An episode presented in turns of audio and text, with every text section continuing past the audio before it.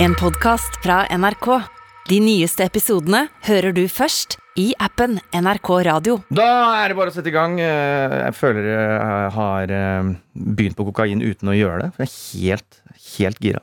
Og det er en kombinasjon av eh, kaffe, masse, masse, masse kaffe, men også vært oppe siden halv tre i natt. Halv tre i natt, ja. Mm. ja. Ja, jeg tror jeg la meg halv tre. Det er ikke sant? Ja. Det er det, alltid en på skift. Ja.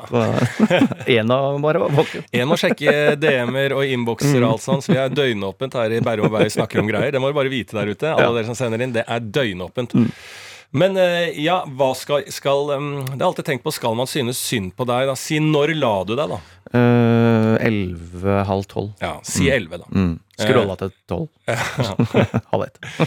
Ok, men da, da begynner det å begynne. Men hvis du hadde lagt deg da sånn i 10-11-tida Ja. og, og vært våken siden eh, tre, Mm. er det da veldig synd på deg, eller er det like synd på meg som eh, la meg da tre og sto opp eh, ni? Åh, det er fordi da legger du skyldspørsmål på Hvis du legger deg tre, Ja. hvorfor eh, legger du deg tre? Det kan jo være psykiske årsaker. Ja, det er det jeg mener. For da kan jeg synes på deg. Men hvis det er sånn å, nei, jeg skal se på meg. en, kose meg til tre, Ja. og du vet du skal opp uh, åtte, Ja. nei, da er det ikke noe synd på. Nei. Nei, det er et hardt samfunn, altså. Men igjen så har vi jo snakka om det her før. Jeg får ikke sove igjen når jeg først våkner. ikke Nei. sant? Så jeg fikk noen tips av Linnea Myhre å ta noe Syrtek og noe greier. Ja. Så, Ja, Syrtec Ja. eh, skal jo være den eh, søvnfremkallende som- Nok en! Altså, alle allergimedisiner er søvnfremmende, føler Ja. jeg. Husker og, og angstdempende og uh, helende. Ja, hva er det allergifolka har fått uh, i godteposen sin? eh, på en måte? Fordi at jeg husker det, for da jeg jobba i psykiatrien også. Noe Fenergan eller noe sånt. Jeg, Ja. følte det var sånn, ja, det er tungt allergimedisin, for det er jo bedre å gi, for det blir ikke så avhengighetsskapende, ikke sant? Enn disse eh, Sopliklone og Finner du på? Hva sa du? Finner du på noe? Ja, det kan godt hende. Sopliklone. Ja, Imovane. Ja, Kanskje Imovane ikke. Soploklone. Jo, Imovane i hvert fall, og, Ja. og Stillnokt og de der, Ja. som er litt eh, avhengighetsskapende. da, Innsovningstablettene. Ikke sant? Så er det forskjell på innsoving, og så er det tabletter som skal få deg til å sove hele natta. altså Mm. Alt dette her. Men de der innsoving de skal man være jævlig forsiktig med. altså Jeg husker dette er sånn der eh, lærdom jeg fikk fra da jeg var ung sykepleier. At det var etter fire dager som kroppen begynner å liksom venne seg litt til disse innsovningstablettene. Oi.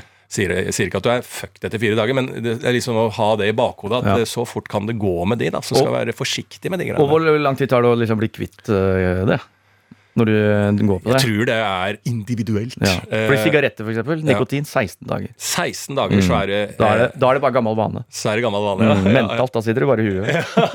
Så det er også greit. Det var veldig motiverende for meg da jeg slutta å røyke. Ja, 16 dager det er rett over to uker. ja. Det skal man Det skal greia. Men så gikk det et par ekstra Eh, år der med det det. nikotintyggis. Ja, nikotintyggis satt uh, godt i. Ja. Ja, Du tygger nikotintyggis ennå? Å nei, nei. Det er jo bare vanlig tyggis nå. Er det bare vanlig ah, ja, det tyggis har nå? det vært i, siden Bali. Ja. Jeg sist, tok min siste på Bali. Ja, ja. Midt på Bali gikk jeg tom. Ja, For nikotintyggis? For nikotintyggis, og Ja. etter det bare kun vanlig tyggis. Ja, ja, og den tygger du så det ljomer etter? Absolutt. Så Ja. den er altså sånn så, Og det Faen, ikke sant. Bare det eh, greiene der tygger mye, gjør at det ser ut som mye. Altså, da bruker han fentaminen. Altså, akkurat i dag så jeg Ja. er jo fullstendig eh, narkis. Ja, ja, ja. Uh, men jeg gjør ikke det. Jeg bare tygger masse. Ja. Kjeven går. Ja. Og- Man skal alltid ha en, et eller annet. Det er jo det som er irriterende med Det er oss mennesker. At vi Det skal alltid ha noe uh, Ja, når skal, når skal jeg bli kvitt eh, ekstreme avhengigheter? Mm. Altså når eh, En avhengighet vi begge er, at vi eh, elsker da eh, humor og den type ting, så vi jobber jo oss i hjel. Mm. Eh, fordi vi elsker det. Det må jo eh, trappes ned på et eller annet tidspunkt for at kvaliteten i det man gjør, skal bli noenlunde. Så det er jo liksom en avhengighet, det på et eller annet sett og vis. Jeg tenker over livet mitt, så har alltid, bare, alltid vært på farten. alltid der, der, der. Um, så det er jo en avhengighet som skal ned. Og så er det jo da snusing, nikotin, altså røyking, tyggistygging. Og så er det jo eh, liksom alkohol, og så er det jo usunn mat. Faen, livet er jo bare en lang, lang, lang eh, eh, karusell av å hoppe av. Ja, det er det. Ja, det er jo Det det. Altså, det hopper av, så er det noe annet. Det gir jo seg faen ikke. Og eh, Noe må man ha, ja, sikkert. må, er det ikke det som er livet? Fordi at eh, Jeg syns det blir sånn mer og mer at liksom sånn her er tips på ja, om det er eh, Om du er overstadig kåt, så står det i VG hvordan du kan få temma det. Eller om du er eh, eh, engstelig eller har sosial eh, i anførselstegn angst, at du blir sliten av mens. Altså det er eh, vi, Det er jo helt åpenbart at vi sliter med alt. Mm. Og så er jo spørsmålet da hvordan er, er det egentlig at vi Det er egentlig meningen. altså bare hvis det går helt over styr, så burde vi ta noe grep. Men at hele livet handler egentlig bare om at vi skal slite med alt. Og jo eldre du blir, så sliter du med mer. Ja, det er ikke så dumt, det. Men det er jo sånn, jeg føler jeg er i en sånn eh, periode nå hvor jeg skal prøve å finne den balansen. Ja, ja. Eh, Og ha mer Men er det mulig det. å finne den balansen? Nei, det tror jeg ikke. Skjønner du hva jeg mener? Vil du bli fornøyd? For jeg tenker også akkurat det samme. Etter den der eh, Kirkegård-podkasten jeg driver med nå, sånn, som Kirkegård som kommer som en ulmende skikkelse over meg, at jeg må velge meg selv og eh, ha mer liksom eh, eh, ja, som jeg føler går litt inn i det å finne en balanse i livet. da, ikke sant? Finne en balanse mellom det ekstreme i alle poler, og finne og velge noe som på en måte er solid for mitt liv på en sånn grunnleggende plan. Eh, er det i det hele tatt mulig? Jeg vet ikke, men da må vi tilbake til Kurt Vonnegut, altså. Ja, ja. Eh, Det er også en eh, mer artig filosof, da. Han Ja. er jo og et geni, ikke minst. eh, Forfatter og sånne ting. Jeg tror det, i hvert fall han som sa, han eller Mark Twain som sto på et festaktig eh, hos en jævlig rik fyr. Mm. Så spør han den til det andre. Jeg tror det er Kurt, Vi kan godt si det er Kurt Vonnegut. Liksom, tror du noen gang liksom får, vil ha, eller får det, alt det her, liksom? Så sånn, da sier da Kurten, jeg har noe han aldri vil ha. Eller aldri vil få. Og hva er det? Nok. Ja. Han har nok. ja. Så det er jo det det er. Kurt har nok. han. Kurt har nok. Det er også en barnebok som jeg har lest. Ja, Kurt har nok. Ja. Skrevet av Rolf Magne Andersen. Den. Så, eh, så det er noe med det der. da. Når har du nok? Ja. Eh, For vi er jo på en stige. Vi er jo ambisjonskarakterer begge to. Og det Mm. er en trappestige det, mot eh, himmelens døde Ja. åsyn. ja, du klatrer og Du klatrer, klatrer og så til slutt så møter du Jesus, og så Yes. bare 'Å, faen, daua jeg på Ja. denne klatringa?' Ja. Ja. visst gjorde det. Mm. Fikk du noen gang nok? Hadde du noen gang balanse? Men det jaget om balanse er jo et sunnhetstegn, at man prøver det, at det ikke bare skuta går og går. Mm. Så det er jo et sunnhetstegn at man tenker over at man ønsker balanse i livet, uansett hva du jobber med. At man prøver å etterstrebe en viss på en måte eh, mm, dynamikk, da. En eh, balanse innenfor yin-yang, ikke sant? og eh, det er jo bare et eh, kvalitetstegn. Så det er et sunnhetstegn. Men da Ja. tenker jeg noen ganger, er det et modningstegn som man kommer til i alderen? Eh, og så kommer man egentlig aldri til denne balansen. Altså Etter hvert jo eldre man blir, så begynner man jo å gi opp. Det går ikke. Altså Skjønner du litt hva jeg mener? Er det noen der ute som faen har mm, har funnet det, og faktisk eh, ikke bare har det bra, men faktisk har det bra fordi de vet med trygghet om at de har en perfekt balanse. Ja, kanskje. Tror du det? Ja, jeg tror at noen har det. Ja. Eh, og jeg tror at de som tror de har det, de som er f.eks. Altså toppledere som eh, Ja. får faktisk til alt og er helt i balanse, vater, de er ikke det. De er ekstremister, på en måte. Ja, Så de på en måte regna ned til nanosekunder hva de Ja. skal. Men jeg tror, en, jeg tror du skal til en eh, husmor på Flisa. ja. Har det kanskje veldig, veldig bra. Absolutt. Jeg tror du skal til en lagermedarbeider på Smøla Ja. som på fisker på har Eller på, ja, på Alnabru. Jeg tror du skal dit, Mm. og de har det faktisk best. ja. Jo, jo, det er 100% enig. Mm. Det er 100% enig. Eh, Men jeg, jeg tenker også at det må jo være et veldig sånn økt fokusområde for folk der ute nå. For jeg ser jo Altså, det er jo ikke én artikkel. Altså, nå er det Vitus apotek har reklame med leger. Eh, vi snakker om de fire store. Der involveres involveres jo da Kave og Wasim. Wasim tar på seg et helt sinnssykt eh, ansvar der ute. Han er jo coach, han nå, på sosiale medier. Em, folk er jo Og dette, dette er jo tilbud og etterspørsel, ikke sant. Sånn, så vidt jeg, det jeg lærte da jeg gikk, tok min master på BI, eh, så handler det om det. Og nå er det jo så mye leger og psykologer ute i media. Så det er jo klart at tilbud, altså etterspørselen etter disse rådene med å finne balanse, det, den er jo enorm der. Vi snakker om en fastlegekrise der ute. Og det er snakk om at liksom sykepleierne må ta noe mer ansvar der. Legene har greid å blande inn oss nå. Eh, jeg mener jo at det er jo media som har skylda. Altså, fa altså Fastlegekrisen det er jo fordi at alle nyutdanna leger skal rett ut i media og fortelle eh, det store hop via VG Helse eller Dagbladet Helse, NRK Helse. Altså Alle er jo ansatt i media. De løper jo rundt på foredrag, alle legene som skulle vært inne på fastlegekontoret. Det er der problemet ligger. Det er nettopp det. Så man må uh, Skomaker, bli ved din lest. Ja, Er kanskje det der. Det uh, uttrykket har jeg ikke hørt. Din skomaker bli, bli ved din lest. Ja. De, de, er det skjellsord, liksom? Nei, Hei, nei, nei, nei, det, er bare, det begynner på skomaker. Skomaker, komma. Bli Eller kolon. Bli ved din lest. Ja. Utropstegn.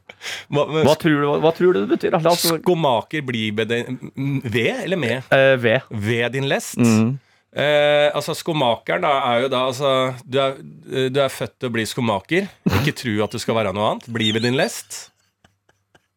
Ja, altså sånn Fra et obsk obskurt ståsted så er det helt riktig. Å ja, for det, jeg skjønner ikke hvorfor det er så veldig obskurt. Nei, for du er ikke født til å bli en skomaker. Jo, jo, da det var skomakere. Ja, da er du ikke født Jo, til å bli jo, det. altså da var det jo smeden Schumacher? Nei, altså naboen var født smed. smed sønnen hans smed. Ja, Smith. Ja, smed. Ja, ja, ja, Schumacher. Og, ja, ja, og så var det Schumacher Ja, ved siden av. Mm. Eh, Sønnen av Schumacher. Da ble det skomaker.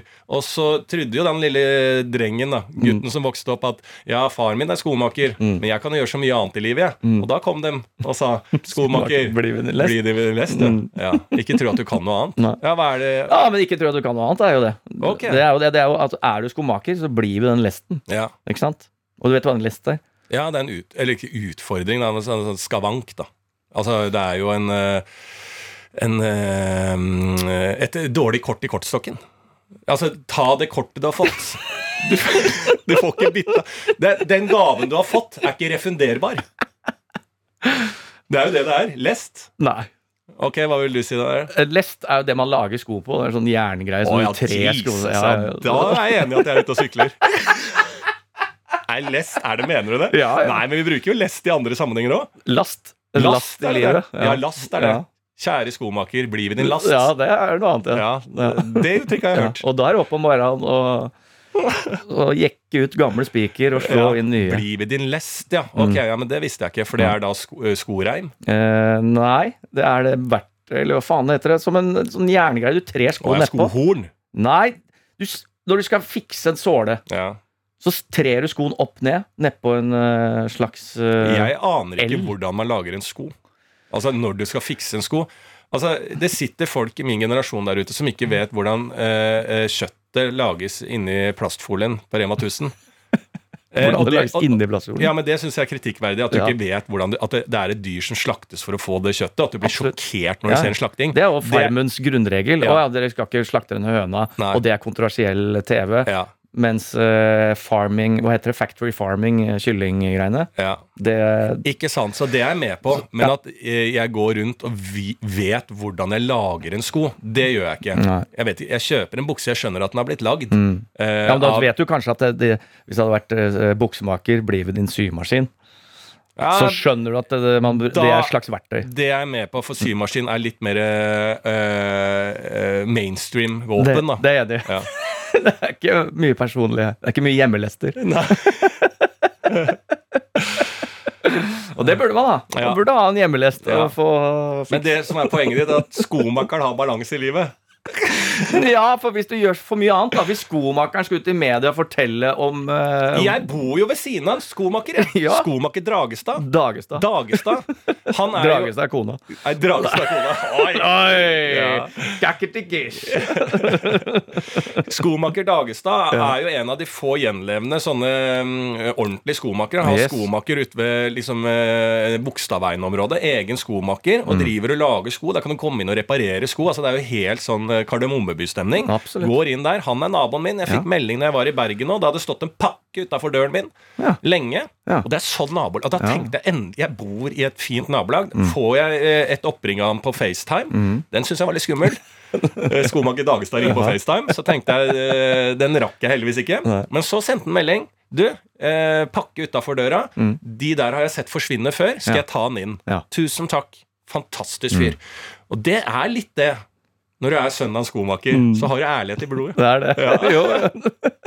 og da bør du bare holde deg til det. Ja. Er det, Ja. det er det som er, og da er du kanskje, hvis du er fornøyd med det, da, eller bare Mm. tenk deg et privilegium det er å være altså, også ha et håndverk. Du er skomaker. Faen, Mm. Det er en hedersbetegnelse. ikke sant? Alle, alle yrkestitler er jo en hedersbetegnelse. Mm. Og da er du det. Da er du, du er rørlegger, liksom.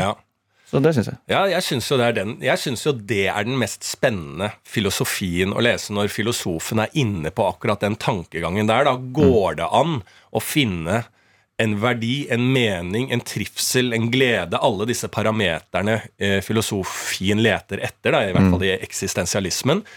Går det an å finne den uten å tenke at etter døden så skal jeg bli, komme og få mitt ordentlige liv i religionens navn, em, uten å søke uh, at karriere er nøkkelen, uten å søke alle disse ytre på en måte faktorene, ytre sprangene, men bare her og nå, med verdien i meg og i fruksjonene mot eh, livet man lever og naturen og samfunnet, på en måte.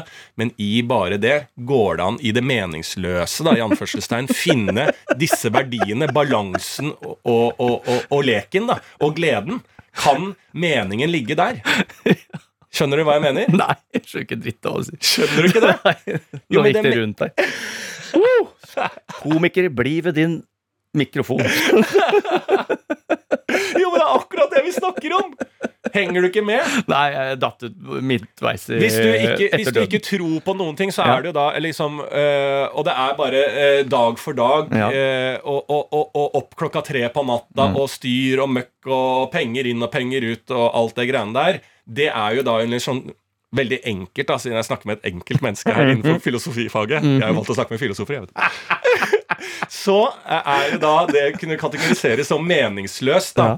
For hvorfor skal du gidde å leve? Hvorfor tar du ikke bare livet ditt? Mm. Ikke sant? Mhm. Og du velger å leve. Mm. Så da er det jo allerede noe som bryter mot den eh, eh, meningsløsheten da, i begrepet. Da Ja. er det jo en eller annen mening siden du fortsetter. Ja. Og hva er den meningen det er når det ikke er noe større? Og du tenker Ja. ikke at det at du fikk barn, eh, hever alt ditt totalt opplevd, men at det er heller noe du ønsker mer enn at det er, gir deg noe eh, sånn småreligiøst ved det å få barn. Altså, Ja. Hvis man tar det ned i det da det meningsløse, og finne en mening er det, Går det an? da? Jeg synes der, der er den mest spennende filosofien. Akkurat som du sier, da. Skomaker, bli med din lest. altså Det å gå på butikken, det å, å ha penger til å kjøpe mat, eh, eh, lage mat, ha en hverdag. Altså alle disse tingene. Hvis man på en måte gjør det litt for første gang, se verdien i det, og ikke tenke verdien i framtiden. At å ja, men neste år så skal vi til Syden, så alt dette kjedelige har en gullmedalje. Men heller tenker at em, det å gå i butikken er en verdi. Ja, sant? Hvis man snur litt på det og får verdien i alle de tingene, der syns jeg det er noe jævlig spennende. Jeg har ikke funnet løsningen ennå. For jeg syns det er jævlig kjedelig å gå i det butikken. Jeg synes det er jævlig kjedelig å gå i butikken. Der bruker ikke Oda Hello Fresh og Foodora Market. Nei, jeg bruker ikke jeg, jeg, Foodora. Market bruker jeg på uh, Altså for hjemlevering Ja. på søndager, og, Ja. og har jeg glemt noe og sånn. Mm. Ehm, men Oda har jeg ikke brukt så mye, altså. Nei. Jeg skal kanskje få opp eh, tempoet. Har du bare hjemlevering på døra? Uh, nei, jeg har noe som heter Hello Fresh. Som okay. er, også er det samme som Oda. ja. Det er bare noe andre Merker, liksom. merke. Ja, ja. Så uh, det er veldig spesielt da, i en Mm. familie, eller en uh, tid hvor man har mye å gjøre, som veldig mange familier har, så er det selvfølgelig en kortsiktig eh, effektivitet. Og så merker du, man blir jo også lei av det, for man tenker sånn, ah, hvor er alle de rettene jeg pleide å lage når jeg lagde mat sjøl? Mm. De glemmer man da. Og så plutselig må du hente det opp igjen, og da får du glede i at faen, det er jo det som er digg, å stå og lage den maten du kan fra bånn, ja, og så servere det. ja. Så uh, igjen der så er det jo uh, Ja, moderasjonen er vel løsningen her. Ja. Men jeg, jeg støtter jo det. Men jeg hadde jo det da jeg eh, ble singel og flytta for meg sjæl. Mm. Så var det jo en eller annen gave jeg fikk fra en eller annen person. Husker jeg ikke hvem det. Jeg tror det var venninna mi Astrid. Mm. Selvfølgelig. For hun eh, kaster jo bare enten eh, dassruller ut i skauen ute på hytta mi, som jeg må rydde opp, eller så er det en gave som jeg får av henne, som er da en hjemmebestilling på noe sånn derre som hun har gjort for litt kødd, da. Ja. Sånn boligmat. Altså, jeg får sånn derre hver dag så får jeg et sett med sånn Det er konsentrert Altså, det er bare ris og skyld Altså, det er noe Det er liksom sånn boligmat altså, sånn Bolermat? Tre, ja. Jeg syns det var noe boligmat, ja. Det Nei, var noe sånn sykehusmat. Nei, nei, nei. Nei. Bol, bolermat. Altså litt sånn treningsmat eller slanke Altså Det er bare sånn derre Det er ris, Ja. kylling og noe altså, Og den smakte jo helt jævlig, for det var noe billig greier hun hadde eh, kjøpt bare for kødd. Tror du jeg greide å komme av Altså, jeg ble ned Og jeg jobba som sykepleier på søndagene, og dette var jo ikke et velfungert system. De som Nei, nei, leverte nei. ut dette maten her, det var jo bare en guttegjeng som drev og, og, og trente vekter og kjørte ut mat. Så de ringte jo meg hver jævla søndag når jeg var på kveldsvakt. Ja, hvor er du, da? Ja, men jeg, jeg er jo ikke hjemme. Nei, men det kommer ut søndag. Ja, men da må du sende melding. Ja, men jeg sender jo melding. Jeg, jeg er jo ikke hjemme, så prøver jeg å ringe. Det, har jo noe, det er jo ikke noe kontor på det der eh, boligfirmaet der, så jeg får jo faen ikke avbestilt dette. Så jeg hadde jo Det sto jo råtten mat. Altså, hadde, det kom jo hver dag, ikke sant? Fordi de skulle jo forsyne meg med mat hver dag. Så det kom jo sånn ukeslevering, så jeg hadde jo så mye sånne pakker med mat. At jeg, jeg, jeg kom meg, jeg hadde det et halvt år, kom meg faen ikke ut av det. Og måtte ringe og styre. Og til slutt så bare eh, Jeg, jeg må av dette greiene her. Og det var et helvete å komme seg av den der uh, boliglyneren. Høres ut som Scientologikirken. Ja, det var sånn. det var sånn De hadde jo ikke så mange kunder, så det var jo ålreit at jeg hadde den uh, Ja, ja. Det eh, er greit å ikke ta telefonen da. ja. Så det, det er jeg litt redd for. Hvordan Ja. man kommer seg av disse Ja, det er, det er faktisk ganske vanskelig. Ja. Jeg også har ikke klart det. Nei, Men, eh, nei, men det gjør livet litt enklere, da. ja, Innimellom. det er jeg enig i. Men var det noen grunn til at du uh, var så lenge våken? Nei, bare at, Nei, altså at du s- våkna så at tidlig? Malmo eh, våkna, og etter det får ikke jeg sove. Nei. Men jeg klarte å holde meg scrollfri fram til halv seks. Oi. Så skulle jeg være på P3 Morgen eh, i dag klokka sju, Ja. så da var det liksom greit. Ja. Så, så derfor. Ja, jeg syns det har vært mye i eh, media og i Ja. vinden. Altså, du har hatt eh, da premiere God- på et show. Mhm. Eh, folk ser jo ut som tilsynelatende tar dette her eh, godt imot. Mm. Eh, jeg har jo sett det på generalprøven. Jeg er jo selvfølgelig fan og Mm. elsker det, men eh, Who am I to judge? I'm just a friend. Så eh, dette ser jo, Og du har vært i media. altså Dette, dette har jo ting du har klaga på hele Mm. Yes. tida. Du, du blir forbigått. Yes. Nå har du vært i A-magasinet. Av det beste av dem alle. Du har vært i Begynte på topp. P3 Morgen. Begynte på topp. Mm. For du skal være gjest i Kåss til kvelds. Å, ja, ja, ja. Skal du ikke det? Jo. En eller annen gang nå? En eller annen gang. Og du har aldri vært gjest i Kåss til kvelds før. Nei, nei. Dette er jo en god venninne av deg, Else også, men du har vært forbigått der. Og det er forbigått i alle mulige ledd, men nå er det endelig din tur! Mm. Og det er uten brudd og angst. Og det er uten brudd og angst, ja. Så det er mulig. Ja, men jeg syns jeg så noe At det er noe syting i disse Ja, artiklene dine. noe syting ja du scroller for mye, og Ja, ja, ja. det er noe greier. Så det er ikke Jeg, jeg føler ikke at du har Det er min last. Det er last i livet. det er en last der. Ja, altså, eh, jo jo, men noe må det Det er det, som er problemet, ikke sant? Hva er ustabiliteten her? Så nå er ustabiliteten det, da. Eh, med scrollinga, og det er jo sant. Ja. Så, og det vil jeg jo til livs. Det er en Men avhengighet. føler du føler jo er bra nå for tiden? Eh, Det er en god periode for deg nå? Det er det jo. Ja. Det er absolutt en Ja. god periode. Ja. Altså sånn, igjen da Jeg lever jo mitt beste liv hvor jeg får gjennomført faen meg prosjekter som jeg har lyst til å gjøre. Mm. Ikke sant? At, at eh, vi holder på her har en pod som går rimelig greit, og et show som også eh, går bra. Ja. Jesus. Ja. Hva med, og der mener jeg, da må man være fornøyd. Ja. Hvis ikke dette er fornøyd, da, da er jo bare dau. da. Mm. Eh, så det er en meget god periode. ja, så deilig. Meget. Det blir jeg glad. Jeg syns det er eh, Jeg synes du har liksom mer energi også. Altså Vi sitter jo og snakker med en fyr som har vært oppe siden klokka Ja, tre. ja, ja, Men det er jo energi. Det er jo glede i deg. det spyr inn energi, Ja, det greiene der. ja. Det, så det, og da har du meningen med livet. Altså da, ja. Og jeg syns vi skal gå tilbake til å gi folk med fagbrev, svennebrev, eh, i yrket, altså som etternavn. Ja. Så vi får tilbake Smith og Schumacher og Ja, sånne ja. ting, men jeg veit ikke hva komiker De Unterhalter. Ja, Unterhalter. Martin. Unterhalter og Lars Unterhalter. og det krever faktisk eh, litt da, baken for å hete Unterhalter. Unterhalter. Så ja, de Unterhalters. Det, Med balanse så kan vi jo da åpne denne podkasten. Absolutt. Eh, og vi skal prøve å søke en eh, ekstrem balanse i denne episoden til dere der ute. Dette er Bærum og Beyer snakker om greier. Det er en tretrinnsrakett. uh, jeg snakker om nå. Mm. Uh, Martin Beyer-Olsen snakker om nå. Og så tar vi inn deres greier på slutten og danner perspektiver. Så enkelt er den oppskriften. det er det. Og eh, da kan jo jeg starte. Jeg har jo da egentlig akkurat uh, fått kara meg hjem fra uh, Bergen. Jeg var, har jo nesten vært der i en og en halv uke. Og etter. Ja, du, det er ikke nesten. Du har vært der i en halv uke. ja, og etter, og etter sist gang har jeg jo vært daudsjuk. Ja. Så jeg har jo ligget paddeflat ute i Bergen by der. Uh, og det har vært sol i Bergen. Det irriterer meg når jeg er syk. At jeg, jeg, Mm. Altså Nå er jeg klar for høst. Jeg. Få på litt regn, liksom.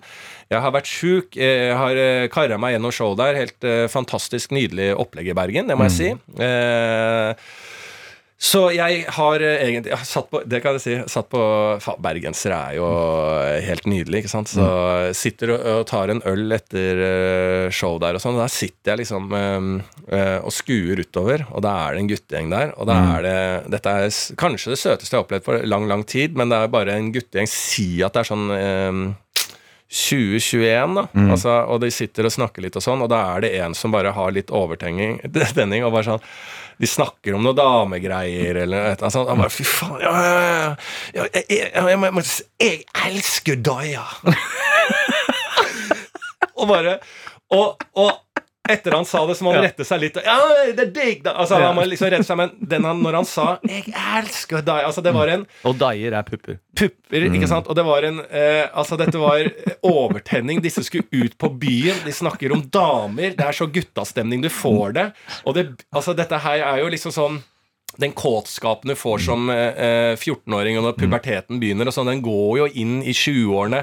Du har kanskje ikke li- ligget ennå. Altså, jeg debuterte jo seint personlig. Altså, det er ikke sikkert han hadde ligget, det er ikke sikkert han har eh, kjent på pupper eh, når han ønsker det. Altså, det er den derre første gang-ønsket. det er eh, jeg er kongen av livet, ingenting kan eh, få meg ned fra denne gleden, den ungdommelige gleden, og bare hadde et ærlig utbrudd der han bare dirra nesten og bare Jeg, jeg, elsker deg, ja! Uh, og det var veldig uh, nydelig, så jeg syns det var veldig søtt.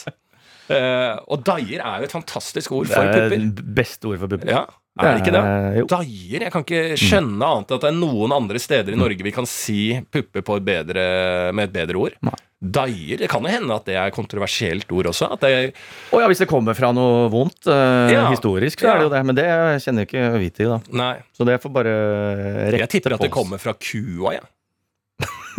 Ja, men skjønner at eh, Jur? ja, ja, men at jur på bergensk er daier. Altså, Ja. ja, kanskje. Ja. Har du hørt en bergenser si jur? Nei, det er fra Skåne, har jeg hørt. Djur. Har du eh, hørt taler som djur?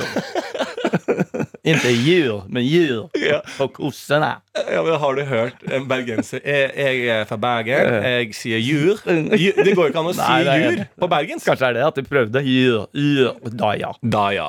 Da ja. Du, det ligger jo i en, eh, et eh, bergensk svelg en, eh, å si daier. Men er det daier fordi de liksom dingler? Er det derfor du tenker at det er jur? Daier? Jeg vet ikke. at det daier i vind? Ja, daier, ja. Svaier, Svaier, liksom. Ja, ja, ja. Er det det? ja, kanskje det er det. Men det er i hvert fall et fint ord, helt til vi finner ut da, får påpeke på at dette ordet stammer jo av det mest Ja, nedverdigende. Da legger vi oss padde flate. Selvfølgelig.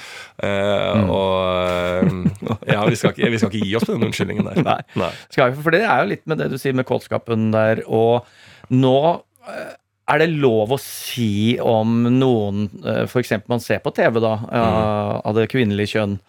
I mitt tilfelle, Mm. Ja. eh, siden jeg er cis, eh, at å, fy faen, hun er deilig, liksom. Mm. Eh, Er det lov, eller skal man helst eh, styre seg? Folk over 40, menn over 40, på damer rundt 30. Menn over 40. Altså, det, er, det er bare en nyanse i akkurat Ja. den setningen du sier der, til at ikke det er en uh, tv2.no-kommentar. Ja. Hvis du hadde bare lagt på foran den mann over 40-kommentaren Ja. 'Skal det ikke være lov?' Ja. Så hadde det vært en av de. Men for det er jo sånn jeg, Skal det ikke være lov å si 'dame er deilig lenger? Men kunne jeg sitte i Bergen og sagt 'jeg elsker pupper'? Kunne jeg sagt det over 40? Nei, det hadde Nei, jo vært litt rarere. Ja. Jeg, jeg hadde nok ikke gått hjem og, og reflektert over at jeg, jeg, jeg tror jeg så det søteste noensinne.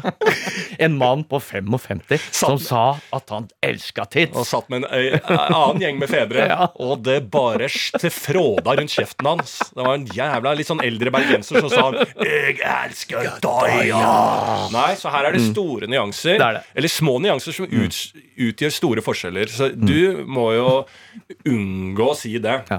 Eh, og det tror jeg er bare Dette tror jeg ikke handler om noe metoo, uh, egentlig, men det, det kan være litt um, Jeg vil ikke si ekkelt, men uh, litt eh, eh, untouched. Ja. Altså Det er liksom sånn umusikalsk, Ja, går det an å si det? Jo, At det er jo ikke, det er jo ikke noe ulovlig hvis du går bort til en dame på byen, Nei. tross din alder, og så sier liksom sånn Du, jeg må bare si at jeg syns du er dritdigg. så er, kan vi jo bare være enige om at det er det er litt Det blir ikke satt pris på. Nei, men det de, Og det det kanskje kan konkludere med at det ikke er, er at det ikke er gentleman. Nei. Det er ikke gentleman-like. Eh, og det er det man må være. Jo eldre man eh, blir, jo mer gentleman Ja. må man være. Ja. Så eh, jeg skal holde meg til det. Og så er det jo liksom uh, the game, ikke sant. Hvis den dama du går bort til, i ditt tilfelle siden du er uh, cis, Cis. Og jeg er også cis man hadde cis. Så siden du er cis, så eh, må jo det at du eh, går bort til en dame Da er det jo kanskje til en objektivt veldig pen dame, da. Ikke sant? Her er jo spillergamet må komme inn. Ikke sant? Hvis du er ute og skal sjekke da eh, en dame, Nei, i ditt tilfelle, ja. siden du er cis eh, Ikke sant? Og da er det en du ser at det er en dame som er utrolig pen, og du ser at det er en mainstream penhet som også blir satt pris på av veldig mange. Hun har garantert vært det opp gjennom livet. ikke sant? Så hvis du går bort og komplementerer det, så er du bare nok av Ja, ja, eh, alle. ikke sant? Så her må du få opp det gameboka. Da må du gå inn. Jeg er uenig i at du skal bryte ned det personen for å sjekke opp, men jeg mener at da må man komme i tale på andre ting som ikke kommenterer utseendet, for det kan jo da vekke interesse igjen. Um, men uh, ja, hva, hva ville du sagt hvis en dame kom til deg og bare sånn Faen, du er dritdeilig. Du hadde ikke trodd på den for Ja, nei, nei, nei. Den dagen. Ja. Da brenner helvete over. Ja. Eh, nei, eh, men igjen, altså. Jeg, for jeg tenker litt fra et annet ståsted at jeg er jo ikke interessert i Det er ikke noe oppsjekking i det hele tatt. Nei. Det er bare en mening. Ja, er, ja ok, så det er eh, litt som du er på Det er kollegialt, du er på jobben, og så er jobb, ja, fy faen. du er godt gift og alt sånn, og så er det en eh, litt yngre kollega som går der, som er veldig sexy. Og, og, da, og da sier du, Martin, på overfør, at det må være lov å gå til hun og si Å få sagt at dette Fader. Du- Du sklei ut riktig av. Nei, jeg kan ikke skjønne at det ikke skal være lov. Nei, nei, nei, nei. helt enig. Ja, ja. Og hver dag skal du si det. Hver dag. Ja, ja. Nei, jeg, blir, jeg har vanskeligheter med å konsentrere meg når du løper rundt der i, ditt, i de skjørta du går i. Syns det kler deg pent òg, jeg. Nei, det skjønner jeg ikke at skal være eh, Så langt kan ikke denne metoo-bevegelsen Den er ferdig nå. Ja, den ble fritt, ferdig med Johnny Depp. Ja, ja. Johnny Depp eh, vippa dette til guttenes favør. Mm. Ja, det er ikke noe mer metoo der ute nå lenger. Så enkelt er det. Ja, ja, ja. Nei, så det, Jeg vil si at det må jo være lov til å si det. Absolutt. Det må være lov til. Nei, Ellers så har det ikke vært så mye. Eh, jeg har runda av en helg, eh, kommet meg eh, hjem, og det har vært fint nok. Eh, ja, jeg har ikke så mye mer å si på det, altså, egentlig. Det har vært en hektisk helg. Jeg har ligget sjuk, som jeg fortsatt er jo da eh, tett i nesa. Testa meg for korona, for det har jo alle. Ingen, Ikke er det korona, og bare er forkjølelse. Men det er jo ikke én jeg omgis av på fly og den type ting som ikke er forkjøla. Men jeg syns det, det sitter lenge i dette Ja, det opplegget her, liksom. Luft. Jeg skulle gjerne øh, visst mer, og det her burde myndighetene komme mer på banen. Altså luftveisinfeksjoner. Altså Mm. Ja. Det burde være mer oppe i systemet, spesielt her oppe i nord. Ja. At vi bare sånn, vi vet Det er kanskje derfor man skal gå med skjerf. Kanskje, altså Som vi burde ha en slags varslingstjeneste. Altså, Mm. Fordi s- september er alltid den måneden hvor man sånn, «Å, det blir kaldere enn du tror. Jeg går jo Ja. fortsatt ikke med skjerf nå, men det er jo i hvert fall Ja, Det er jo skjerf. Skal gå med skjerf fra juni. Ja. Men, men eh, skjerf, skjerftykkelsen skal byttes ut. Ja. I juni, slutten av juni begynner du med et lite sånn cowboytørkle, Mm. som du også kan ha foran munnen hvis det er mye støv. Hvis du jobber på anleggs... øh, Ja, og så begynner du med den. Ja. Og så i sånn eh, august-september-skiftet så må du skifte litt tykkelse. Ikke, Mm. ikke ordentlig ikke, ikke hele anakondaen. Ikke, den, den kommer først i november-desember. Da bytter du ut skjervstørrelsen med en helanakonda. Mm. Og så trappes den ned mot mai. Skal egentlig gå mest mulig med skjerf, for da må vi lære av de ambisiøse, de rike. Ringnes, Mm. han går med skjerf. Olav Thon går med lue. Altså, folk har på plagg. Det er en grunn til det. Det er jo ikke estetikk, det her. Nei, nei, det er ikke det. Og jeg, i mitt show også så har jeg noe nummer som gjør at jeg headbanger litt. Ja. Og da blir jeg altså, sånn, altså, helt gæren i halsen. Ja. Og da har jeg fått bare beskjed om sånn Bruk ullskjerf. Ja. Eller for da varmer du konstant opp musklene. Liksom. Ja.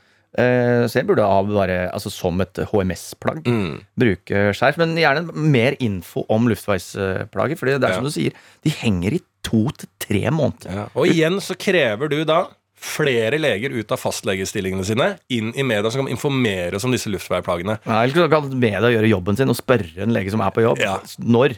Og så Ja. lager de den saken. Ja. De har tatt ut én lege i et kvarter for intervjuen. Ja. Så går de stille og rolig tilbake og er skriver den saken. Jeg. Eh, det er fordi jeg har også vært selvfølgelig sjuk eh, forrige uke, for da er jo eh, omgangssjuke, ikke sant. I eh, barnehageting og sånn. Og jeg trodde jeg gikk klar av det. Det tror jeg faktisk jeg sa på en poden her òg, at jeg gikk klar. Boom! På onsdag så satt den. Mm. Eh, helvete, se på torsdag. Da gikk det bra igjen. Mm. Men så fikk jeg tilbakeslag Ja, på fredag. hva er det som skjer? Hva er det som skjer? Og da er det da virus, det tenkte jeg på, som går i bølger, som gir seg litt, men kommer tilbake. At det liksom det blir en De legger inn en trojansk hest i det viruset. Det tror jeg. Jeg tror bare virus er en stor trojansk hest. Ja. Virus, det går i baner Har du ikke hørt den låta? Akkurat som Trojans høst. Den er ikke dum. Virus, den går i baner Hvilken låt er det egentlig? Vi går i baner. Er det det låta heter? Ja, DumDum Boys. Vi går i baner Det er jo Oslo S, Døden på Oslo S. Er det Døden på Oslo S? DumDum Boys? Mm. Jeg er en enhjørning. Mm. Den handler om uh, anal, Gjør den det? jeg tror. Du sier nå at. DumDum Boys sin låt Låt Enhjørning. 'Enhjørning', som jeg har elska, Mm. handler om analsex? Jeg tror det. Etter ryktene på rockebygda, sier. Å, er det sant? Mm. Jeg har aldri prøvd analsex, jeg. Har du gjort det? Nei. Har du aldri prøvd du heller? Altså, Lars, du vet at når vi kommer inn på sånt tema, Ja. der er jeg automatisk i lockdown mode. ja. Du, får ikke, du bryter ikke gjennom den trojanske hesten. Nei, men jeg har aldri hatt noe liksom sånn behov for det heller. Det er jo veldig mange som har sånn, i hvert fall av gutter, jeg husker da jeg var yngre, at det, det måtte man liksom prøve. Det er liksom. fordi du skada av pornoen. Ja, det er Det det. er jo bare Å, jeg skal søke på, på Ja, ja. triple fucking Ja, ja. penetration. Ja, det er alltid liksom sånn Prøv det, da, med Gunhild fra Fløsnes. Akkurat hun tror jeg Hvis jeg skulle prøvd triple penetration anal med, så hadde det vært Gunhild fra Freshness. kanskje. Ja. Eh, nei, jeg har egentlig aldri hatt eh, noe stor sånn trigger på det. Mm. Liksom Kan godt gjøre det hvis det er eh, Nå er jo jeg cis. Eh, fra en jente jeg dater eller er sammen med, liksom. Sånn bare la oss prøve. Det er jo gøy, det. Det er, Mm. Eh, så jeg har ikke, det er ikke noe sånt jeg jeg steiler ikke. Mm. Men, eh, og det er, men det er jo litt eh, det, er, det, er jo, det kan jo være ubehagelig vondt, så det må jo liksom planlegges på en eller annen måte. Eh, så Men jeg har jeg, Jeg liker innholdsfortegnelsen i denne podkasten her. Den, den, den går for rimelig høy filosofi. Ganske kjapt. Ganske langt ned. Men dette er Via livet. Boys. Dette er livet. Å, dette er livet, ja. Ja, ja. Det er det vi er kjent for. Jeg har ikke visst Det jeg at analsex var meningen med livet. Altså, Dette vet jo ikke jeg. Altså, Man må jo prøve alt. Lars Anal. Lars Anal. De einhjørning. Ja, ja. Ja. Showet ditt heter jo Anal og champagne. Absolutt. Ja. absolutt. Så eh, dette er jo et tema vi absolutt bør snakke om, men du vil ikke uttale deg. For du er jo Mm. Nei, en type som har prøvd grunnlag. det. Du har prøvd det. Nei, jeg, altså, det kan du si ja eller nei. Jeg er ikke en Det er jo ikke noe ekkelt, det. Nei, nei, men det har ikke noe med saken å gjøre. For jeg er ikke en fyr som sitter på en podkast, snakker om DumDum Boys, kommer innom en liten greie og legger ut 'Jeg har ikke prøvd. Sånn er ikke jeg. Nei. Og tar det helt inn Men i du er han fyren som eh, kommer innom en DumDum Boys-låt som jeg sier enhjørning, og så sier du den handler om Ja, det er fordi jeg vet mye. Jeg vet veldig mye Men popkultur. hvordan handler eh, DumDum Boys-songa anal, eh, enhjørning om Jeg kan ikke teksten, men eh, det er det jeg har hørt. Rykte på gata? Rykte på gata. Og da vi spilte den da i P3 Morgen, Ja. eksempel, da jeg jobba der, da den sikkert var stor for 35 år siden, Ja. dritgammel sang, Mm. da eh, kunne jeg nok teksten på den. Ja. Men nå husker jeg ikke det lenger. Og gå inn og se. Vi kan gå inn og se på den. Ikke nå, Mm. men seinere. Ja. Jeg vet faen, Én hjørning, ett torn i panna, rett fram. Kjør på. Jeg vet da faen, jeg. Nei, jeg aner ikke, jeg heller. Det, og det fins ikke. Fins enhjørning. Ja. Engang kanskje ikke Nei, jeg eksisterer aner engang. ikke. Jeg aner ikke. Er. Men du får, ikke noe, du får ikke lirka noe smutt Ut, ut av deg, nei. nei, nei. nei. Nei, sånn er det. Inntil den podkasten jeg skal ha. da Det er Martin Smuts. Ja, Inntil du skal besøke G-punkt-podkasten til Iselin Guttormsen. Da skal du by på. Å, vi må, ja. Ja, ja, ja. Hvis jeg først sier ja til noe sånt, Ja. da er det alt, alt skal på bordet. Ja. Han er gal. Det viser seg at han er gal. ja, han men det er jo det som er mistanken min, at du er jo en racer i senga. Det er det som er mistanken min. At du er nesten litt sånn fetisjaktig. Nei, ingen kommentar på noe av det der. Jeg gidder ikke å spekulere i noen hadde ikke overraska meg om du svinga sånn. At du, når det ble sånn razzia på et sånn swingersmiljø at, jeg, at Jeg ser liksom i bakgrunnen her at det er en fyr som prøver å skjule, skjule nakne kroppen sin med en hette. At det er Martin Beyer-Olsen. Det hadde ikke overraska meg om du eh, ble tatt løsbart oppå det skjegget. ja. Det hadde ikke overraska meg. Og det er fordi at du er så hemmelighetsfull. Da. Ja, ja. Ja. Men det miljøet holder tett. Vet du. Ja. Det, er, det er det. Det er Ja. regel, og det er det som er der inne. det skjer bare det. Ja, ja, ja. Nei, så det er jo da omgangsuken. Men det er sånn helt sinnssykt når man er Jeg kom tilbake da på fredag, ikke sant? Og så verre enn noen gang. Og, og propper opp med alt av curl, og Altså køl-tablett. Mm. Ikke cocaine, kallenavnet. Nei. Og så er det likevel da, rett før man går på, så det er da det største presset er. For da blir det sånn, når man er helt vanlig, blir man jo nervøs i tykktarmen. Men da bare sånn, det rumler som faen. Tenker sånn, det her går ikke. Gå på scenen. Adrenalinet tar over og renser opp hele systemet. Mm. Merker ikke en dritt. Aner ikke at jeg har det engang. Så jeg kan jo gå på med ja, altså Jeg vet ikke. Aids. Ja. Og ikke skjønne. Nei. Så Eh, det er veldig veldig bra. Kommer selvfølgelig tilbake mid-show Mm. og står og uh, trykker på musikk og trykker på alt. Og da er det sånn Går det gærent nå, så går det Da er det bare et eh, minne for livet. Mm. Uh, For i hvert fall de som er der. Og det er jo Ja. litt av poenget med showet her. Så jeg syns jo det egentlig bare hadde hjulpet. Så jeg er egentlig litt skuffa at Ja. det ikke skjedde. Eller at jeg bare kasta på over hele første rad. Ja, og det er jo det verste når du er, eh, har en dritesykdom, og det står på. Altså, jeg hadde jo hele gjengen når jeg dekka sånn festival med magasinet Natt og Dag, var på alle mulige festivaler, kom hjem fra Roskilde, skulle ta flyet rett til Palmesus, Kristiansand. Og vi satt jo der, eh, og da var det min tur, da. Altså Den magen var jo et uh, rent uh, Altså det var Jeg var på do flere ganger på den flyturen, og så skal jo andre på do, så det er jeg opptatt. Og da måtte jeg bare, når vi skulle ha nedlanding da uh, Dette kan hende at jeg har sagt før, men jeg må ta på da sikkerhetsbeltet. Fordi at det krever reglene. Da er det ikke lov til å gå på do lenger. Det rister selvfølgelig som et helvete nedover. Og da tar jeg bare grepet og tar sokkene da over buksa nederst. I da eh, eh, tanke om at jeg driter på meg hvert øyeblikk. Og eh, du, vet, du må også drite at du, jeg har jo ikke kontroll på om det har kommet ut eller ikke. Så jeg bare gjør det, for da veit jeg i hvert fall ikke renner nedover. Da samles det til jeg kommer ut og kan ta ansvar for dette sjæl. Og det er jo en helt forferdelig følelse når du sitter og vet Ja. du må drite og ikke, og ikke får gjort det. Og jeg sto jo på scenen en gang, jeg, på, øh, på Latter, tror jeg det var. Jeg skulle være konferansier for en klubbkveld. Siste klubbkvelden før året var omme. Ble invitert til sånn pinnekjøttmiddag før vi skulle gå på. Ja. Maten var litt treig, så jeg får rass... Jeg, jeg, var så sulten og hy... Jeg måtte liksom spise masse pinnekjøtt på fem minutter før jeg skulle på scenen. Og da står jeg på scenen der og snakker, og så kommer jo Jeg spyr jo. Altså gulper. Det bare gulper. Så jeg bare! Og så bare renner jeg pinnekjøtt ned, eh, ned på, på magen og sånn mens jeg står der på scenen. Og det er også sånn hva skal du si, ja? Hva skal du si, altså? Bare sånn, jeg må bare si, jeg spiste pinnekjøtt rett før jeg kom, så er det litt latter. Får ikke hele salen med på det, for det er jo jævla nasty. Fordi at det, det renner jo da det, eh, og jeg må jo fortsette å prate, så det sildrer jo pinnekjøttsaft og spy i, eh, gjennom munnvikene og nedover. Så det er jo helt forferdelig eh, å stå da på en scene sånn som du gjør, Ja, ja, ja, og du vet du, du vet at det er liksom sånn hvert øyeblikk så, så smeller det, liksom. Ja. Men man må egentlig bare stå i det og Ja. tenke at dette her eh, Det får bli noe. Det Ja, får ja, det blir, en og det, det, det er jo en god historie. ikke sant? Og det var noe som da snakka om om det er en ekte historie eller bare en eh, myte, er jo at da selveste Wenche Foss på Nationaltheatret eh, hadde liksom Hun var på scenen absolutt hele tiden, hadde sjuka. Går ut, skal skifte et kjapt skift, liksom. Sier bare 'hent bøtte, jeg skal drite'. Hun sa det. Mm. Og så ut igjen. Snakke, snakke, snakke. Komme tilbake. Sette seg ned på ti sekunder sikkert.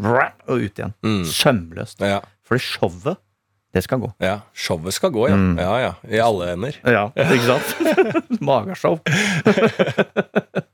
så, eh, så sånn må det være. Så, eh, men utover det, fantastiske eh, følelser og, Ja. og har Du er på et bra sted. Et veldig, veldig, Ja, veldig du er jo glad glad i oppmerksomheten du får nå også ved A-magasin og ved disse tingene. Åh, det ikke hyggelig? Å, Ja? det er megahyggelig. vet du. Ja. Det er det er det veldig fint Det- det- intervju òg. Eh, jo, takk for det. Ja.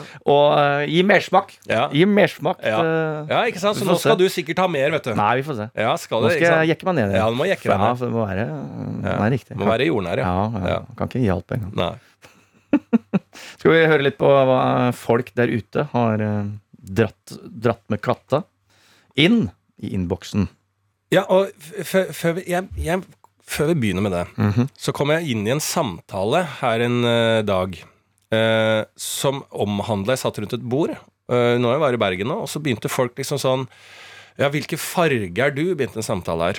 Eh, og jeg bare ja, Jøss, jeg med i den samtalen. Jeg liksom, farge er du? Og vi snakka rundt, uh, og jeg bare kaster meg på. Jeg liksom, så bare sånn, Hvis det er deg, da, Martin, så bare sånn Nei, faen, jeg ser for meg liksom en sånn Du er jo mer svart, du, Martin. Og så er det sånn Oi! Svart, ja! Så tenkte jeg ok, yes, ja. Og så går jeg litt sånn rundt, så bare Hva tror du jeg er, da? Så bare Nei, rød, da. Ok! Rød, ja. Og så begynte jeg liksom sånn Å, faen?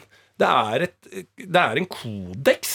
For jeg skjønte, det det, jeg gjorde gærent, var jo liksom sånn Jeg, jeg, jeg skjønte ikke reaksjonen min.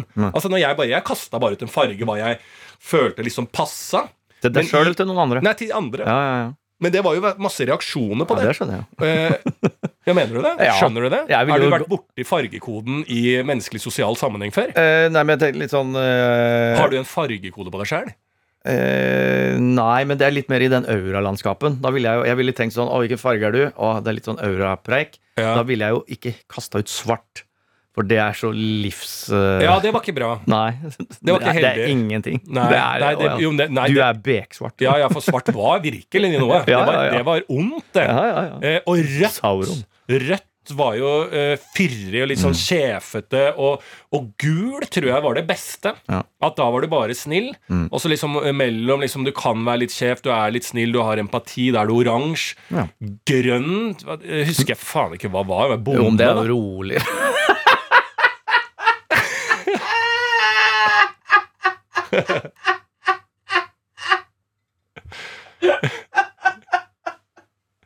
Ja, sånn Og sånn går de greiene der, da. Ja. Ja, og, og brun, det kom vi aldri inn på. Altså, det er jo et uttrykk òg. Den er brun. Den er det er jo brun, et. Mm. uttrykk. Altså, Der kommer jo fargen inn. Har du noe kjennskap til alle dette Nei. aurasnakk om farger og sånn? Er det en slags Ja, det er stjernetegn-conversation? Absolutt. absolutt. Og du kan jo ta sånn aurafoto. Jeg har jo aura før migrene Uh, ja. på øya. Mm. Ja, Da ser jeg jo ikke en dritt, da. Så er, jeg er svart, jeg, da. Så Du har aura på øya. Ja, aura. Altså sånn eh, duggesyn, da. Ja. At jeg ikke ser noen ting i en times tid. Altså flimmersyn, da. Mm. Er ikke det aura det heter, da? Det kan jeg ikke tenke meg, men du kan godt kalle det det. Ja. Aura. Det er ikke Mm. hallusinasjoner. Uh, nei, aura er jo hva du utstråler. Det er jo slags et, et, et, et, et, magnetisk felt Hva er det jeg har, da? Aura i øya? Eh, jeg veit ikke. Nei, for det, det heter noe annet. Da hjelp meg lite Nei, men jeg veit ikke hva det heter. Uh, det er nesten aura. Ja. Uh, aura. Aura. Aura. Altså euforia Nei, et eller annet har jeg øya. Aura, da. Så det er jo aura ja, altså, Dunsten din, da. Altså, Ja, en dunst, hvem, hvem du Hva som Hvis vi hadde tatt på noen slags briller det går, jo, men det går, du kan ta bilde av det. Ja. Om, om det er selvfølgelig sikkert bare en uh, scam, Ja. men da får du liksom sånn Oi, du har en eh, gul uh, aura. ja. Eller en rød. Det stråler uh, Men hva, hva ser du på deg selv som, da? Hvis ikke det, blir, hvis ikke det også blir for intimt å prate om? nei, for det er intellektuelt. Ja, Eh, og mentalt kan, du, mentalt kan du jobbe så hardt du vil med meg, men ikke fysisk hva jeg driver med på fritida mi. Privat. Men mentalt kan du jobbe. Jeg sier jo ikke hva du driver med, jeg spurte bare har du noen gang hatt analsex. Ja, for det det- var, vi snakka ja, om det- analsex, ja. så, sa jeg, så kom jeg på med meg selv. Og noen ganger så prater jeg bare før jeg tenker. Så tenker Noen jeg faen, jeg har aldri hatt analsex. Så Ja. spør jeg deg har du hatt det. Ja, ja, og da, da er du inne på et felt, et aurafelt, som ikke jeg snakker om. Ja, ja, det, ja, Ja. Du, er ikke brun. Nei, det Oi! Det er det. Jeg vil si, auramessig, Ja. det er kanskje er grønn. Bonde. Bonde. Men jeg vet ikke. Hvorfor er du grønn, da? Jeg vet ikke, jeg synes det er liksom eh, Det ligger litt bak. Det er midt mellom blå og gul. Ja, Og hva er blå og gul, da?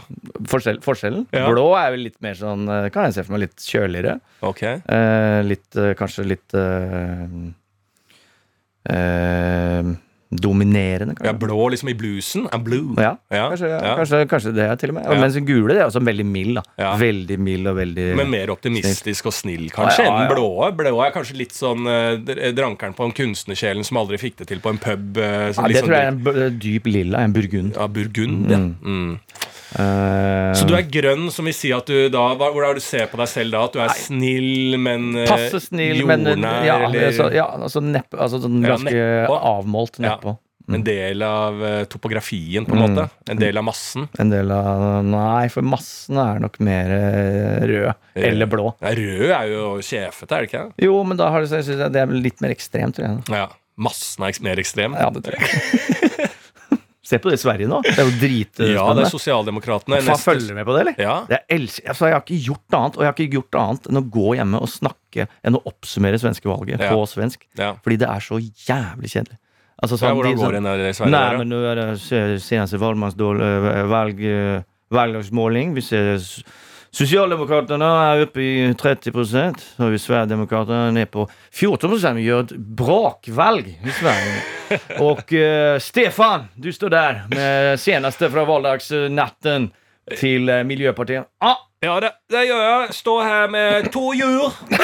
To jur snakker med her nede på eh, togplassen nede ved Skåne. Så eh, ja, her er stemningen stor eh, for at eh, Sosialdemokratene skal vinne valget. To jur over her fra plassen. Og tilbake til studiet. Ja. Mm, ja, det stemmer. Vi skal videre til sporten. Og der ser vi at Stefan Löfven har brutt benet innenfor sin siste boll... bollsprengning. Men det er jo, ja, for det blir jo da nest største partiet i eh, Sånn som det ligger an nå, når den podkasten kommer ut, så vet vi kanskje enda mer, men Ja. Mm. nå ser det ut som skal bli brakvalgt fra da det som er jo Sverigedemokraterna, som er jo da eh, til høyre for Frp, eller er det Frp? ja, ja, nei, til høyre for Frp. Eh, der mantraene deres, da, Mm. eller kjerneverdiene deres, er da mindre innvandring eh, og hardere straffe for kriminelle. Mm. Eh, som blir jo da litt sånn som det ofte kommer litt ut på sidene da, i det eh, politiske systemet. Mm. Eh, så blir det jo da touche litt på sidene. Da blir det jo ofte litt populistisk og eh, Men nå, men nå ikke sant, så har de, i det valget her da, før valget, så har de jo tatt de grafiske grepene, hørte jeg. Oi. Som har gjort at eh, de har Sånn som fått med IS gjorde? Yes. Ja. Eh, som har gjort at de har eh, For de har mildna. De har blitt gulere Ja, i, i fargen. i fargene. Brukt mer farger så for å få med seg damene. Oi. Så de har Damene. lurt de svenske tjejerna eh, med farger. Eh, og da mildere liksom bud. Det er det samme budskapet, bare Ja. stilt eller sagt på en Mildere, mildere måte. Så Ja. de har endra De har farga auraen sin gul, Mm, men den er jo beksvart. den er beksvart. Ja. Eh, Bak det gule så er det alltid svart, som Ja. jeg pleier å si. Mm. Når Eh, jeg sitter og ser på sola. ja. Når det er en fin sommerdag, så sier jeg alltid det til ungene. Bak skyene er det sol, vet du. Ja. Men bak sola det er det helt svart. Ja, det er helt så svart. lenge det går. Ja, så jeg sier hver gang jeg tar med ungene ut på stranda på sommeren, og de koser seg, så sier jeg gutter, kom hit. kom hit. Bak den solen der som gir oss masse glede her i dag, så må du huske på at det er bekmørkt. Bekmørkt her, Roger. Gå ut og lek. Kjøp deg en is. Altså, det er bra. Ja, altså, Det blir jo Eh, spennende det- å følge det spennende. med. Eh, Det er jo ikke så vits å snakke så mye om, for vi vet jo ikke hva det kommer til å bli. Men at det er klart at det er en eh, motreaksjon i det svenske folk i forhold til hvordan de har greid sin eh, integreringspolitikk, Mm. eh, sin eh, gjengkriminalitet og alt dette her. Og hvordan da dette partiet, eh, Sverigedemokraterna, har greid å mane opp og kanskje forsterke dette bildet Mm. eh, i de grader for hvor farlig det er i Sverige. Så har de i hvert fall fått med seg folk, da. Eh, og da må jo alle gå i seg sjæl, tenker jeg. Mm. Eh, men det blir jo spennende å se hvordan det går. Og vi i denne podkasten skal jo selvfølgelig eh, touche innom og riffe på disse temaene. Og riffe på svensk politikk, ja. Riffe på svensk Ja, ja, politikk skal vi gjøre fra dag én, og vi vet Og dette har vi fått beskjed om fra Urix, og vi har fått beskjed fra Dags 18 at det er de også avhengig av at vi Mm. Ja. gjør. Så at de har noe å, å basere sine program på. Ja, ja. Og eh, i, i min researchfase der så har jeg begynt å se på Albert Aaberg igjen. Ja. Eh, Alfons. Og det er jo en, eh, et sjølve idealet på hvordan Sverige skal være, da, spesielt etter sosialdemokratenes eh, lest. Mm. Det er jo et sånn forstadsblokker. Han bor i en liten leilighet, ikke sant, Mm. Alberten. Eh, sammen med far sin av en eller annen grunn. Og faren ser ut som han er 78 år, men han er 36. Okay. Alltid vært. Ja. Eh, og de lever et eh, stille og rolig og veldig balansert liv. Ja. Eh, det eneste er at han har litt hallusinasjoner, han sønnen. Ja. Men det toucher vi ikke borti. Nei. Og de går på butikken, de gjør helt vanlige ting. Albert Aaberg, er det han som har Karlsson på taket? Nei, det er han som har Skybert. Skybert på Ja, taket? spøkelse Også på taket? Nei, det er spøkelsesvenn.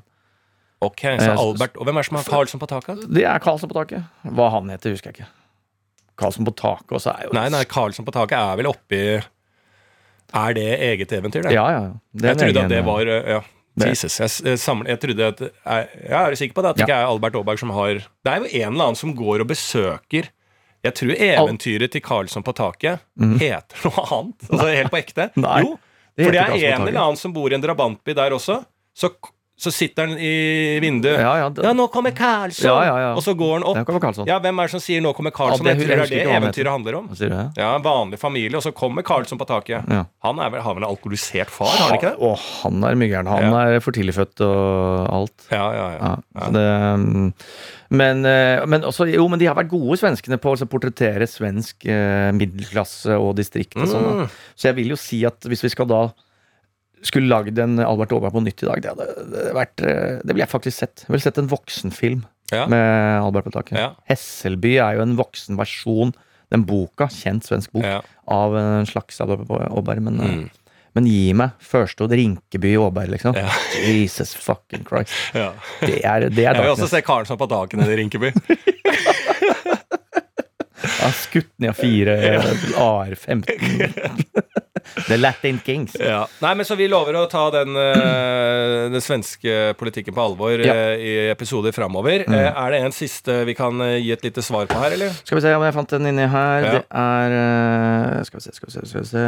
Da har vi en eh, Trenger perspektiver på det å ha kjæreste med samme navn som familien og slekta si. Sin egen slekt. Du heter Johansen hvis du hadde funnet Liselotte Berrum. Liselotte Berrum. Er bare Berrum, da. Noen Og som het Berrum. Berrum, ja. Mm. Du, jeg har vært på date jeg, med en som het Berrum, fra Kødder? Sverige, faktisk. Kødder? Ja, nei, nei, nei. Dette er mange år siden. Akkurat uh, jeg sier at jeg var 1920, så ble da Akkurat da sånne venner samles på Facebook. Altså, å, det er Berrum ja, Jævlig mange meksikanere som heter Berrum. Mm. Uh, så det samles jo masse uh, på Facebook Mm. hele tida. Liksom, å, vi har samme etternavn. Sånn var det jo en periode i begynnelsen der med Facebook. Ja, ja. Der var det Hva het hun, da?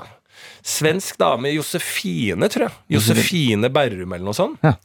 Eh, hun var på min alder og alt sånn, og så plutselig så får jeg bare en melding Vi blir venner, så er hun eh, bor i Oslo plutselig. Vil, du, vil ni ta et glass, eller jeg kjenner inne her, så jeg tok det. Og så satt jeg og tok en øl med henne. Og så ble det jo litt sånn, så begynte jeg også, sikkert sånn som hun tenkte. Sånn, skal vi, er, skal vi liksom er det, hva er det vi driver Er, det flørt, eller skal vi ligge? Altså, og så, det ble litt sånn islandsk følelse der at eh, ja, faen, vi, vi må jo finne, finne ut om vi er i slekt, da. Altså, men hun var pen, hun, og vi hadde det fint. Uh, husker jeg Jeg klemte vel godt, jeg tror ikke vi klina engang, fordi alle begge avvente det litt, liksom. Men det var jo noe spennende da. Og, og, og jeg skjønner jo de som uh, er incisiøse. For det er jo noe spennende med et, samme etternavn. Men det, det var det Ja. for meg. Det var noe spennende med samme etternavn. Men det som er nå, det er jo én ting med bare Bærum. Da. Det er ett. Altså, Ja. hvis Beyer-Olsen, eksempel. Ja. Da vet jeg at det er min familie. Ja, det gjør det, ja. Ja, For det er bare vi som heter det. Ja. Mens det da Det er jo noe spennende å ligge med en som heter Beyer-Olsen. Er overhodet ikke. Ja, men På grunn av etternavnet. Jeg skjønner at ikke du vil ligge med familiemedlemmer, men hvis du bare tenker på navnet Nei, det tror jeg ikke. Nei, ok. Eh, men det blir jo vanskeligere og vanskeligere nå, for nå er det jo sånn eh, De heter jo Skarsgård eh, Ebbenes Hansen. Ja. Altså Det blir jo verre, det blir jo flere og flere etternavn. Så hvis Mm. du f møter noen som heter Skarsnes eh, Ebstad Hansen, Ja, da vet du Da er, Da er det familie. Da er det bare å din kjøre på. nærmeste bror. Da er det bare å kjøre på. Bra! Ja, nei, Vi kom oss igjennom. Hva slags farge skal vi gi denne podkasten? da? Ja, den er brun, ja. Ja, den er brun. Den er, det er så Den er brun. brun i svart sjikte. Yes, Ja. det er brunsvart. Jesus Christ. Nei, vi kom oss igjennom nå også. Vi gjorde jo det. Ja, vi Ja. gjorde det. Ja. Ha en uh, nydelig uke. ja, ha en nydelig uke, og så ses vi eh, til neste uke. Det gjør vi. En podkast fra NRK. Hei, jeg heter Kaveh Rashidi og er lege. Har du tenkt over hvor skillet går mellom det å være syk og frisk? Hei, jeg heter Veronica Danielsen og er fysiker. Visste du at det grønne nordlyset kan være et varsel for en stor katastrofe? Hvordan påvirker egentlig alkohol kroppen vår? Jeg heter Alexander Santov og er kjemiker. Podkasten Burde vært pensum hører du først i appen NRK Radio.